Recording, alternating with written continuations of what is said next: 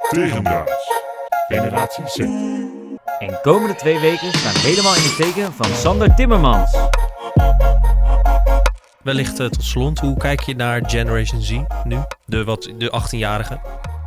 Ja, nou, ik, ik denk dat. ehm, want het leuke is wel dat ik dus ook bijvoorbeeld door middel van dit platform veel meer in contact weer sta met Generation Z. Maar er zijn ook bijvoorbeeld bepaalde freelancers waar ik vaak werk.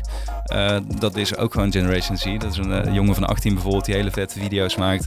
Waar ik het heel erg interessant vind om mee te sparren, dus over zijn eh, ideeën. En hoe die naar de wereld kijkt. En ehm, ik denk dat er een hoop dingen weer verbeterd worden in jullie generatie. Want onze generatie millennials zijn natuurlijk heel erg van... Een bepaalde stramien zit. Nou, bepaald stramien, de, de keuzedruk eh, waar we onder bezwijken natuurlijk, hoor ik ook dat weet ik van veel vrienden. Ehm, wat toch wel steeds een onderwerp is wat weer opkomt. En ik heb het idee, eh, maar nogmaals, dat is maar mijn eh, visie. En ik zie natuurlijk maar een heel klein onderdeel.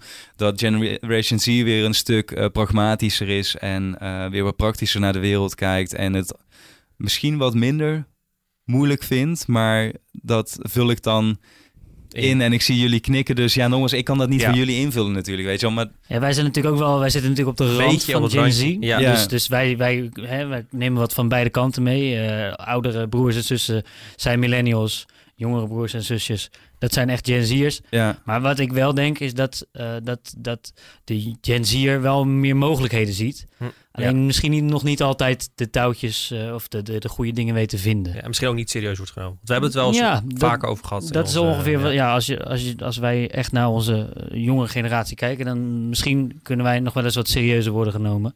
ja. Omdat wij echt wel wat eh, dingen weten, zoals TikTok, dat wordt uitgespeeld door de jonge generatie.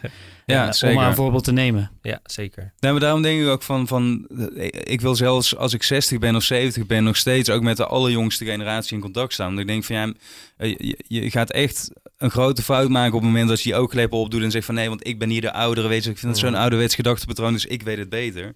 Ik denk dat juist van ja, samen kunnen we er iets heel moois van maken. Ik denk ook dat serieus genomen worden eh begin bij jezelf dus serieus nemen. En dus bijvoorbeeld door in jezelf te investeren, door echt in jezelf te geloven en ehm, eh, door met je ideeën aan de slag te gaan. Hm.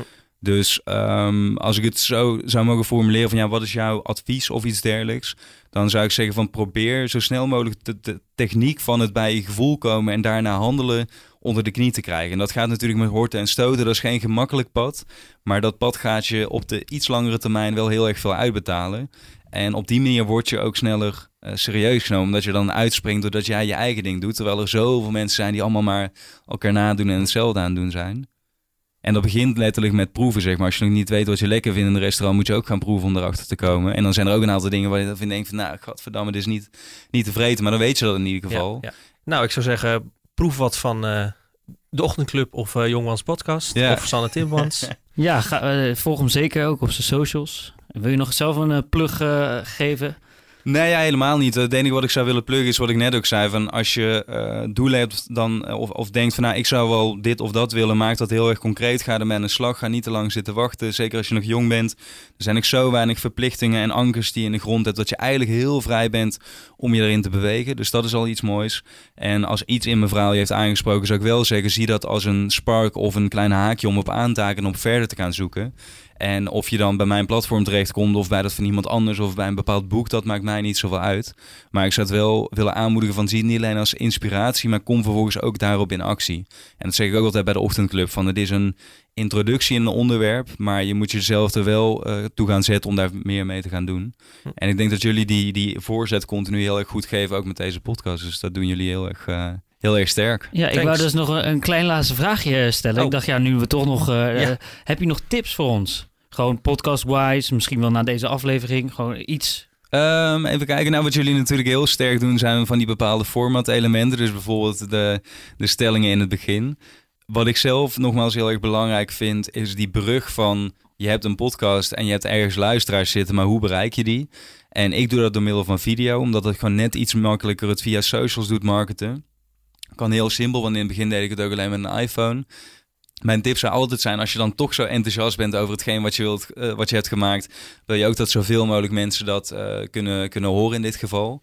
Dus zoek een manier om echt bij jullie doelgroep eh, terecht te komen. En hou daar die spanningsboog, wat jullie ook heel goed nu aan doen zijn om te testen met hoe lang duurt een aflevering, aflevering hou die daarbij goed in ogenschouw. Want daarin zit hem echt, weet je wel, als mensen vaak zeggen van ja, ik snap het niet, dan heb ik honderden uren aan iets besteed, bijvoorbeeld aan een vlog of zo, en dan heeft hij maar 100 views. Dan denk ik ten eerste van nou, experimenteren is altijd goed. Liever voor vijf mensen experimenteren op je bek gaan dan voor duizenden mensen. En daarnaast van je moet de spanningsboog leren kennen om je verhaal zo goed mogelijk over te dragen. Want ook al vind ik het nog zo fantastisch wat ik allemaal te vermelden heb.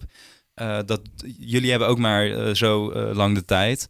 En tijd is voor iedereen schaars. Dus je wilt het binnen de juiste spanningsboog brengen. Hm. En ik denk dat jullie heel erg goed op weg zijn om daarin te experimenteren van wat is de juiste spanningsboog voor de mensen die wij proberen te bereiken. Oké, okay, thanks. Dat nemen we mee. Dat nemen we mee. We willen je in ieder geval heel, veel, heel erg bedanken. Ja, ja. terug uh, naar rondreis uh, weer naar Utrecht. Ja, toch? Helemaal in Dordrecht, eindelijk weer eens. Ik heb goede herinneringen aan Bibelo. Daar heb ik nog eens opgetreden op twee krukken, ja. terwijl ik mijn enkel had gebroken. Dus ja. fijn dat jullie me hebben uitgenodigd. En ja, leuk. Leuk om hier te zijn. Oké, okay, top. Ja, uh, we willen iedereen bedanken die geluisterd heeft. En uh, ja, tot de volgende, denk ik. Tot de volgende. Dit was Tegendraads met Sander Timmermans in de hoofdrol. We zijn tegenwoordig ook te vinden op Instagram en YouTube.